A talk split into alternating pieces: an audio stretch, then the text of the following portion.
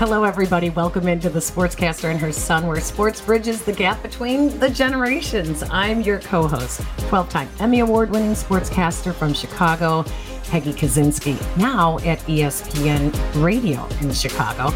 I'm the mom, the sportscaster, and the baby boomer. Right, Jace?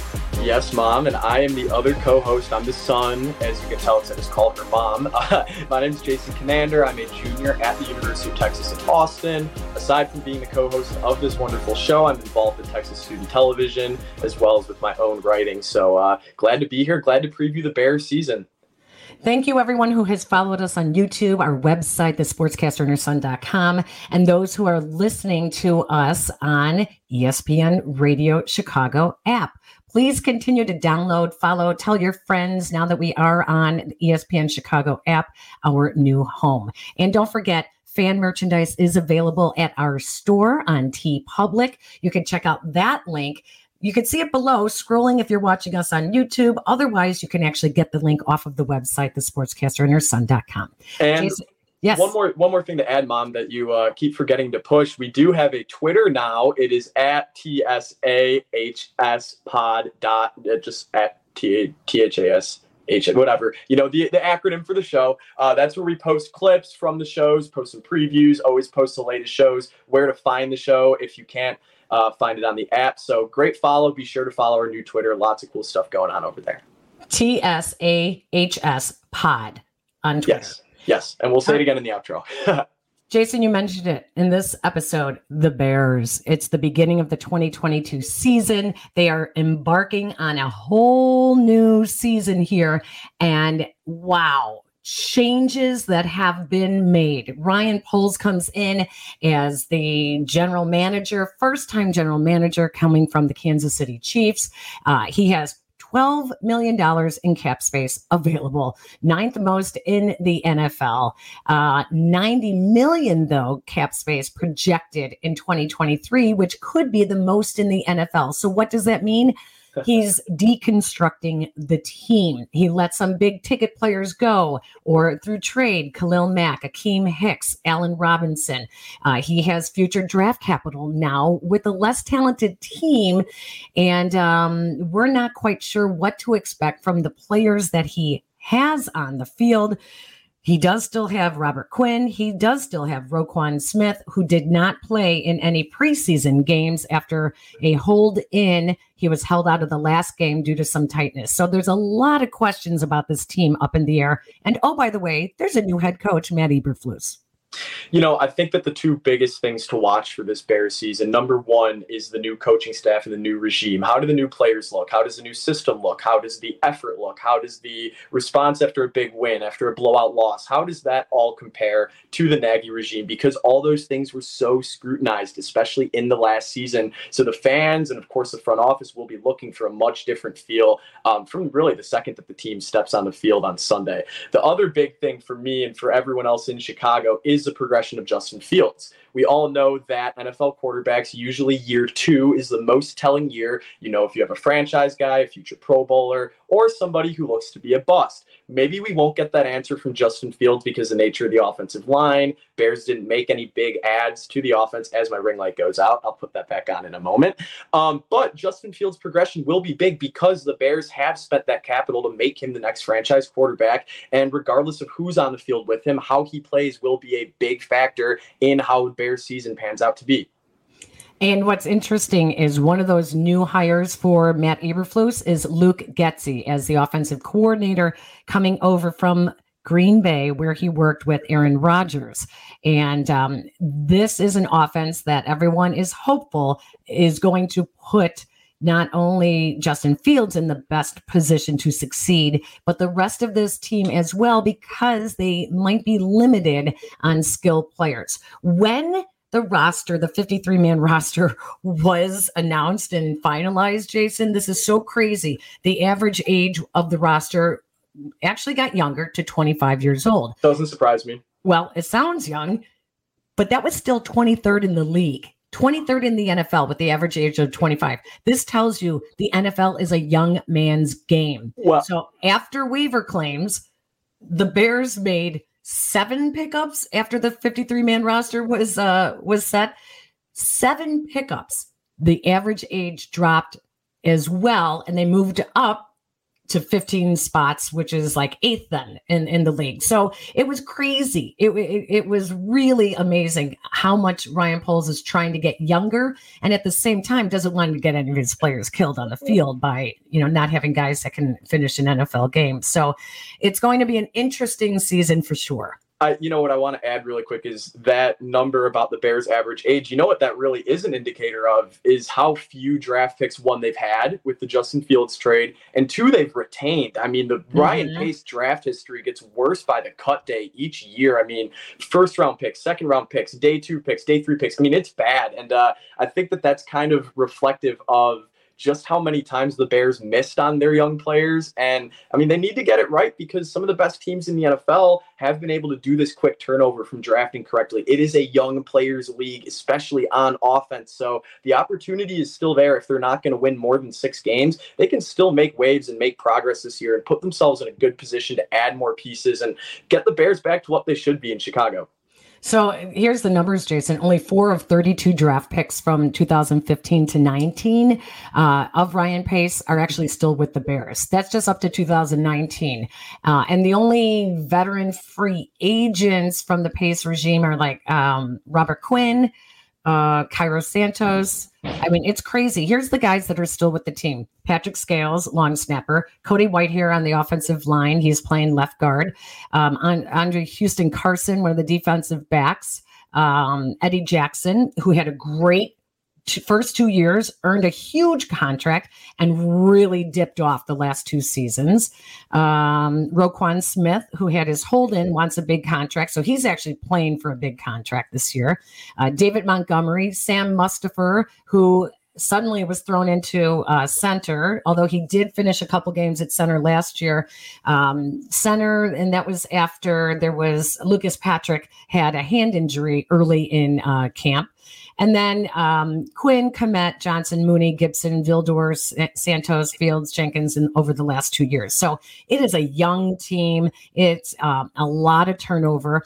And what's interesting when I was in the locker room this week, a lot of the guys talked about they're hungry uh, and they have a chip on their shoulder because they want their they want their their contracts. Jaylon Johnson wants a contract extension. David Montgomery wants his contract extension. Darnell Mooney, Cole Darnell Kmet. Mooney, uh, Cole Kmet, Justin Roquan Fields Smith, eventually.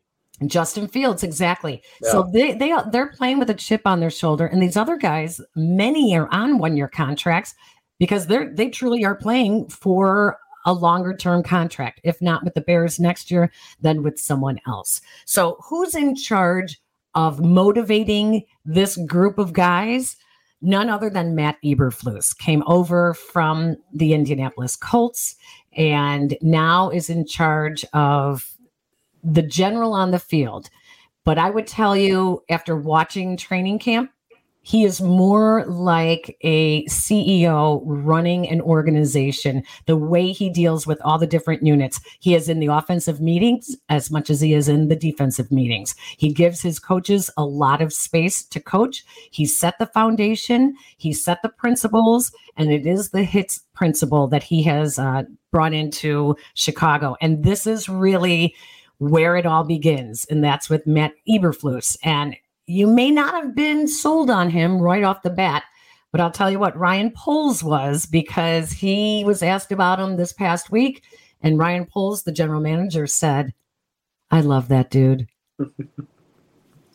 you know, it's really nice to see just positivity around the GM and head coach positions. I mean, last year it was nonstop with the Nagy and the pace. And I mean, we all know how bad it got to the the point of people chanting at Nagy's son's football game. And it's nice to hear the sweet talk. I just hope that it it translates to the field. And a big theme of the season is going to be sometimes a win might not be a W in the win column. It's going to be about these baby steps, these little signs, these signs of growth, especially in young players. It's a young team with guys looking for new contracts, guys that the Bears are banking on to be the next faces of the franchise. So even if it's not going to be a playoff competing season, it still is just as important of a season for the Bears as any. Jason, let's bring in our guest, Matt Eberflus's mentor, former Bears defensive coordinator from 2009 to 2012, also defensive line coach, former Lions head coach.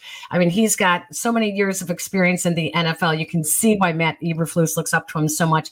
Rod Marinelli is joining the podcast right now. Coach, how are you? I'm great. Fantastic being with you. My well, it's it's always good when you're retired, isn't it? well, yeah, you kind of. And uh, no, this has been it, great. It, great time with my wife, and, and, it's all good. I love it. So we want to talk to you about Coach Eberflus. So, you know, he has so much yep. respect for you that he turned down a promotion with the Cowboys to take over the defense out of respect for you, who was holding the job at the time. And that's when he ended up going to the Indianapolis Colts. How did you and Coach Eberflus uh, bond so much back from your days in Dallas? You know, it was great. Uh, the first year we were there together, and uh, Monte Kiffin was there. He was the coordinator, and then me and Matt, a couple of guys on the staff. And then I took over the following year, and uh, it just the things we do and the things we believe in was a match early, and how we did things. And uh, I think it intrigued him a little bit and it's his personality. I mean, this what we do on defense is his personality. So when he took this job here in Chicago, was there ever a thought for you to join his staff? You know, it would have been, you know, it's special. But I, I felt at the end of last year, I uh, needed to step back for a year at least. And uh, spend this time with my wife and family, and my grandkids are going to college and all that stuff. So I had a chance to go do that. And you said a year at least, so you're not ruling out a possible return to coaching for any team in the future.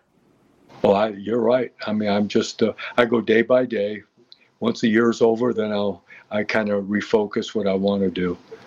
You know, I can relate to that because that's sort of what my mom did actually when she stepped back from NBC in 2016. Initially, yeah. it was I'm going to fully retire, and then it was oh I'm going to do this and this and this, and now six years later, my mom's just about as much in it as as when she started. So you talked about really quick. You talked about those coaches, and Eberflus is somebody who yeah. you have a lot of experience coaching with. You have coached with some of the greatest coaches, defensive coaches especially, in the history of the NFL. Tony Dungy, Lovie Smith, um, Mike Tomlin. What qualities did those coaches have when they were assistants that make them great head coaches or made them great head coaches? That's really a great question, you know, because uh, there's a lot to that. And I think it all started, it kind of came down through uh, Coach Dungy and the system we brought in. And we hadn't won, I think we hadn't had a winning season in 20 years in Tampa at that time. And there is a certain steadiness and belief. And you can do things a lot of different ways, but there we only did it one way. And uh, we believed in that, how we believed in it. And it took us a year and a half, and then it kind of kicked. But uh, we had good players. We didn't know it then, but we they were coming. And uh, it's that confidence. But I believe in anything you do, it's got to be belief. You got to believe in what you're doing and then the players will believe it. This defense is so perfect for Matt Eberflus because it's oh, yeah. so the Tampa 2 is so detail oriented. Yes. Um, you got to get the push and the penetration up front. You have yes. to take away the lanes from the running backs, and then the linebackers just have, you know, cleanup duty pretty much. Yeah. Matt Eberflus, coach, might be the most organized coach that I have covered. And when I started in Chicago, I started Mike Ditka's final week coaching the uh-huh. Bears. Uh, then I covered Dave Wannstedt, Dick Jauron, uh, Lovie Smith, Marc Trestman, John Fox. so I've seen six head coaches for the Chicago Bears and now Matt yeah. Eberflus.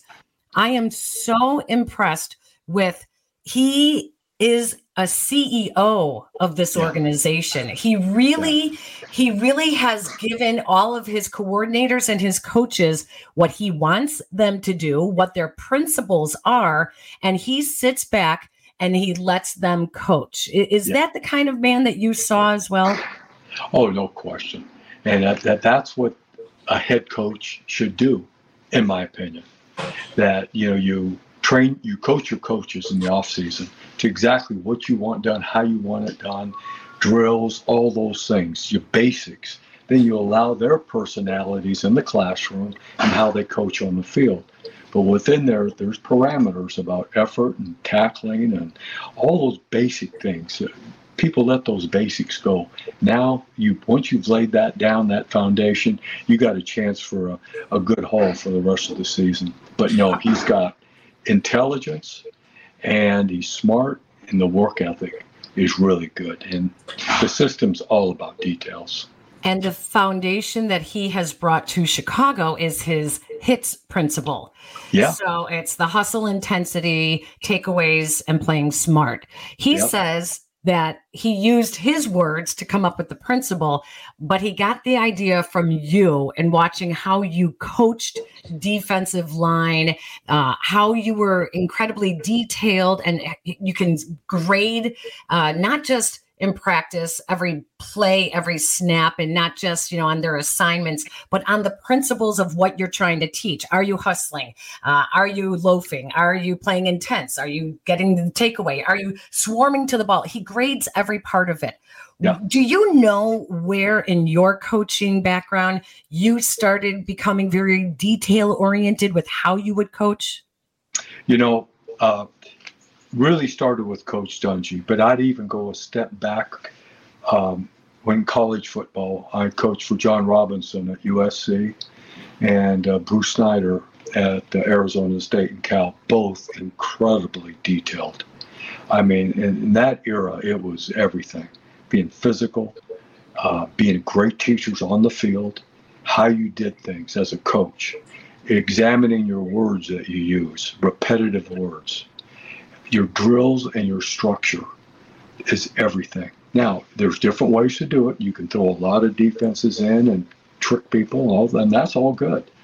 But in this system, you can't vary. You have to have such belief. And I think the hardest part, first, one, he hired really good guys who he'd been with too. And Travis was with me and uh, Travis Smith was with me in uh, Vegas for a couple years, and he's sharp as a tack too. So he understands what Matt wants. And then the the key to the whole thing, you, a player or a coach can never walk by a mistake. Mm. And that's what it's all. If you're going to be detailed and you're going to be on it, you can't walk by mistakes. And it's hard because at times you go, "Oh man, I'll call this guy out again." Well, so be it. And uh, that's just the way it is. Jason, let me jump in real quick because Coach Eberflus constantly reminds the media of that that the coaches must stop and you must correct immediately yes. when a mistake is made. And you don't let it go. You have to recognize it. You have to tell them then and then you move on.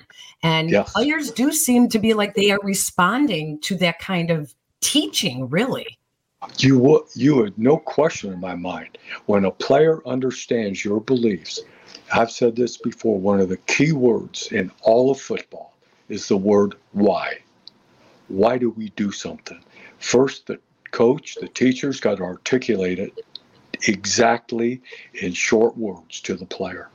And when it's clear to the player, there's clarity. When there's clarity, there's speed, and there's quickness, and there's instincts. It all fits together okay so you're talking about this word why. I think the biggest the, the toughest thing for me to wrap my head around with this bears season is the mentality going in because a franchise like the bears 85 90% of the years are going to come in competitive trying to win. But this year's a yeah. little different so even though you have the coaches that are trying to hammer these points, you still have players, especially veteran players, who might be looking at this season and say, you know, what do I have to play for? So what is that why for the players on a team that might not be competitive this year? You know, I would say that why why you're here is to earn your salary. It's a man's world. And that league is a man's league. And you earn your salary. That's number one and then you're playing for a team and a franchise and coaches all together and that's a man's job and i think you point those things out I've something I've done. I know Matt's doing. You build the man first, then you build the player.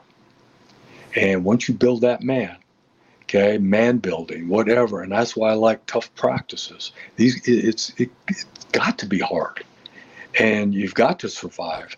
And what you're doing is preparing to build your armor in the off season training camp. Build your armor for the season. And uh, in this system, if you don't build your armor, it's not going to be good now because you're counting on whipping somebody's, you know, you're counting on whipping the man that you're supposed to play. You have to do it with great skill and technique. One of the biggest elements of Bears rebuild, reload, whatever you want to call it, is that, you know, this takes time. And I think that what Bears fans just want to see this year, we know that there won't be the wins that there have been in past years, but I think that Bears fans can all agree that they just want to see elements that are way different than the past coaching regime. So, what elements mm-hmm. do you think that we can see, particularly on the defense, that will be yeah. different from last year's team, even if it doesn't immediately translate to wins in year one? Yeah, you know, and they play. They've played good defense over the years. You know, they have done a good job, but I, I think the thing you've got to be able to see is the hustle. The hustle is morale if you have great morale, you've got an opportunity to compete in every game. And if the hustle isn't there, the morale isn't there, to me, in my opinion, okay, my belief.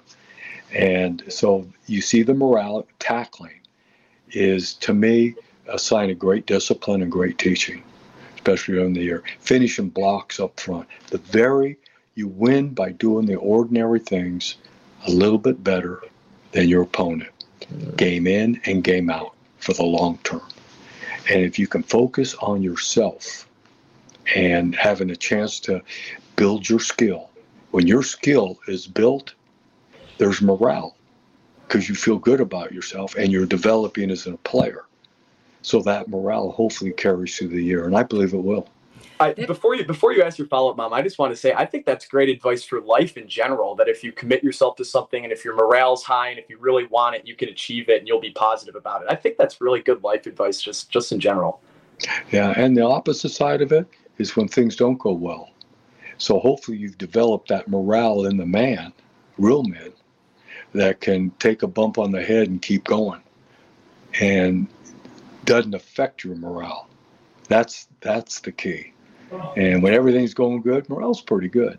You just led me exactly what I was thinking as well, coach. and, and that was a lot of the outside noise about the Chicago Bears. They're being picked as one of the, you know, if you depends on who you read. Are they the, sure. the, worst team in the NFL? Are they the third worst team in the NFL? They haven't played a game yet, but sure. everyone is saying just how bad of a team they are going to be. And in a league in which it is win now, this is not it could be a very difficult year so why is matt eberflus the right person to lead this team through what jason was just talking about the rebuild? Yeah i, I think it takes strength mental strength and conviction and belief in what you're doing. The players will see that. And you you got you got to be strong and say I, i'm not going to change because I believe in what we're doing. Now you got to add a little sugar and salt and some of those things over there as you're going, but the principles that you've introduced to the players at the very beginning, they've got to see that you're going to stand by them and not let them falter. Good times, bad times, and you got to correct and move forward. You teach, correct, move forward. Coach, how often do you talk to Matt Eberflus? Oh God, I either drop him a note, you know, or I short calls. I'm I'm big. I mean, I uh, short and to the point. and I'll drop maybe a couple times a week, and then a, maybe a couple messages, things to think about as you're going on, which he knows. Sometimes, you know, you you forget something or something like that, but just be who you are to me, and then you'll enjoy it. If you're trying to be somebody else, you're not going to enjoy the process. But the pro it's a hard process, and uh, you have to have hard men. Your coach has got to be hard, and then in turn the players got to be hard, and uh, that's the beauty of our game. That should never change. That's the beauty. Before we let you go, Rod Marinelli is joining us here on the Sportscaster and Her Son podcast. Uh, Coach Eberflus said that you are really great at recommending books to read. Yeah. And Matt Eberflus is a big reader up until Oh, yeah. spring training or spring training training camp starts. He Yeah. reads. Uh, he told me he reads multiple books at one time, which Yeah. I don't have that kind of focus. I have to start one book and finish one book. So, Coach, tell me what book or books you told him he should read after taking the job in Chicago. Boy, I mean, we have done this all our for about seven years in Dallas. So he's read from John Wooden, who's just a teacher, you know, to Chuck Knox book. It came out just masterminds of simplicity. Coach Dungy's book, those are all. And then I always like to go off and see different type of coaches that may be a little bit different than me. So you got a chance to see the full perspective and and then great leaders in our history. I think uh, in the history of this country, that uh, it's all the same. You got to take a belief and lead men. Well, I sent him the book because I heard about your little book club that you former Dallas coaches have together. So I sent him the book Cracking the Code, which was Oh. based on the Ryder Cup team that finally beat the the Europeans for the United States title and Great. how they they actually put the team together and how they coached you know the guys do you put two guys who are similar together do you put guys who are opposite that can help e- even each other out so and knowing that he's also a golfer i sent him that book and and another one on the city of chicago just so he knows the city that he's in now yeah, he's going to find out soon. exactly It's, foot, it's football and it's hitting. Yeah what's your what's your best advice to him uh in just being in chicago itself the the media the the fans the city itself I, I think it's poise. I pick poise over panic. Okay, there's two points poise and panic. And I've always picked poise. So you can always have poise when you know exactly what you're doing. And media comes in, you can explain to them why you did this. You know, because it's part of our progression on how we do things. And then I think you you become who you are, the real part of who you are to the media. They may mm-hmm. not like the answer, that's okay. But it's your belief and it's it's all poise. No panic. Panic, players see it. That means you start changing everything and we gotta do this now. No, you don't do that. Poise.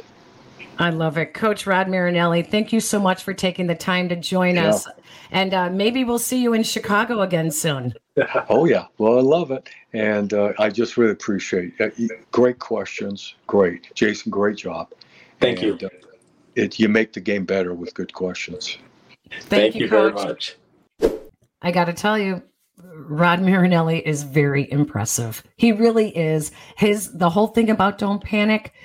eh, That's exactly how he handled himself through the Lions winless season. I mean, it's it's very interesting his insight and his influence on Matt Eberflus. And you know, had we had more time with Coach Marinelli, I certainly would have asked him about that 2008 Lions team because you would have never been able to tell that he was the head coach of that particular team. But the wisdom that he gave us was so reflective of somebody who has been on all types of teams Super Bowl staff, playoff staffs, the staff of the worst team in NFL history. All that wisdom combined to hear him talk so highly about Coach Eberflus can't help but make me excited. All right, Jason, you have some predictions? Three predictions. These are going to be quick. They are all Chicago Bears related because the season begins on Sunday. So here we go. Number one, of course, related to Justin Fields. I'm going to predict that Justin Fields makes a sizable jump this year. Not sizable enough to make a Pro Bowl. Sorry, there's just not the type of offensive weapons around him. But I do think that at the end of this year, here's my prediction with this one there will be no doubt in the mind of Bears coaches, fans, and those around the league that Justin Fields is the answer at quarterback. It might not have anything to do with the win column, it might not even have very much to do with the stats at the end of the day. But I think that he's going to show the growth and the understanding and commitment to the system necessary to keep him around and dedicate Bears fans to cheering for him and dedicate him to uh, being the next quarterback, face of the franchise of the Bears. Here's number two. Of the So Arlington two- Bears. Of the Arlington Bears. The Arlington Bears. The Arlington Bears. Very, very interesting. Okay. So, number two, I'm going to go with a little bit of a surprise here. We heard some mumbles from training camp. I want to say it was two weeks ago, not training camp practice, that uh, the Bears didn't really feel great about David Montgomery as a fit in their system. Well, I'm going to predict that Khalil Herbert by the end of the year will be running back one, but I don't think it's going to be as much because Montgomery isn't a great fit in the system. I just really love Khalil Herbert. I think he showed a lot last season. I think that he showed that he can be a big play back, but he can also be reliable. And as a late round gem, one of the last late round gems of the Pace era, I think that Khalil Herbert is going to have a lot of opportunities to make plays. We saw Luke Getsy's offense last year utilizing a two running back set. Aaron Jones, AJ Dillon, both very different, but both got a lot of touches. I think we could see something similar with Montgomery and Herbert, but I love Herbert's running style, and I think that this season is going to give him the opportunity opportunity to uh, have a bigger role on the Bears come next season. So I do think number two, and I do think that a lot of NFL teams are proving that Chiefs included, which is where Ryan Poles came from, are proving that they can rotate running backs in and out every two to three years without having to pay the big money. If you have good coaching, you have good skills, you have a good offensive line, then you can get a different running back in there every three years without yep. having to pay the huge money. And that's why you don't see running backs go in the top 10 or even in the first round right. anymore because they're so dispensable. Okay, so my third prediction here, and, uh, you know, I try not to get as caught up in stuff like this um, just because, you know, it's, uh, it, it doesn't really matter for this year's Bears team, the whole, you know, record prediction and all that.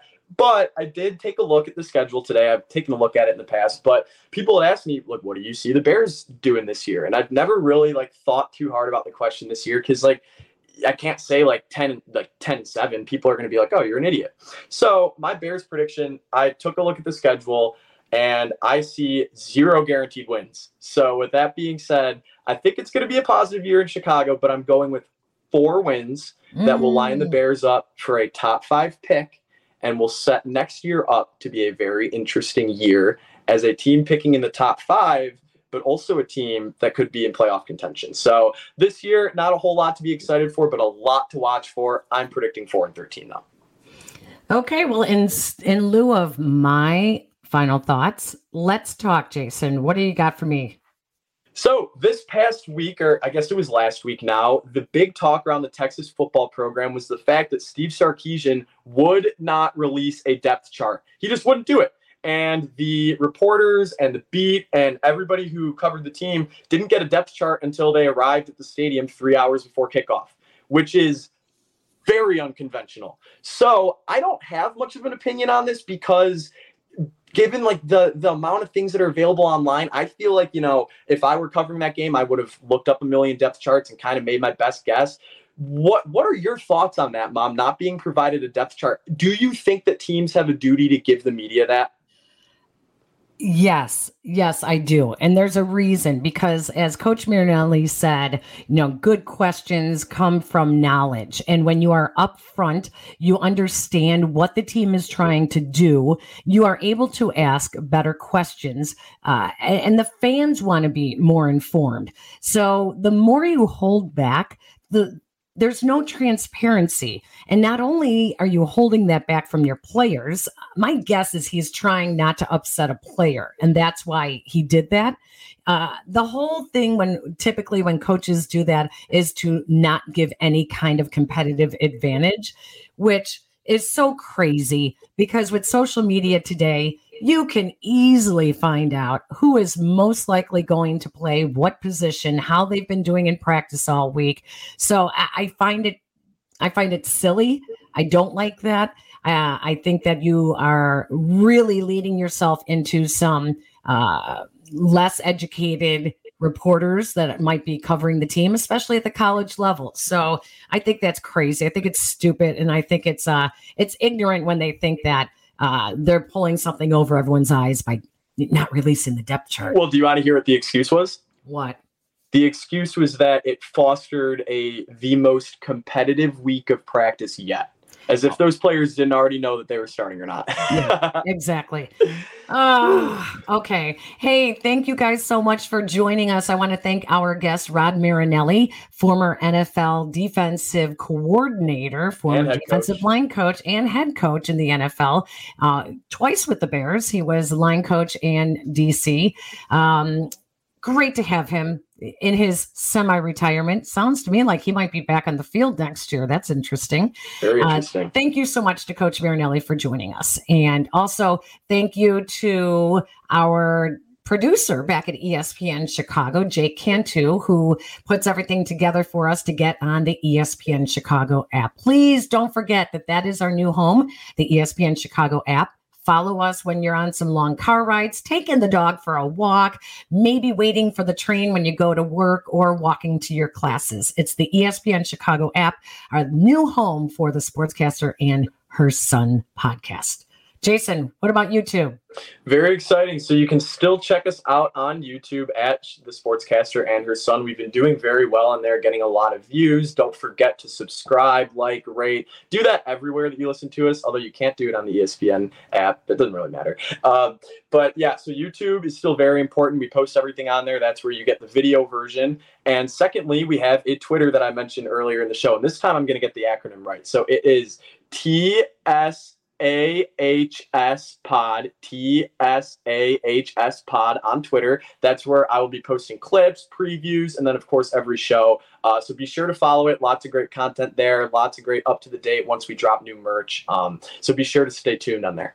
And you can follow us on our individual pages at Peggy Kusinski, at Jason Conander, also our Facebook page, The Sportscaster and Her Son.com. Thank you, everyone, for taking the time to join us. Have a great NFL season. We'll be back here in a couple of weeks with a new episode of The Sportscaster and Her Son. Have a great week, everybody. Happy New Year, Mom. You too, buddy.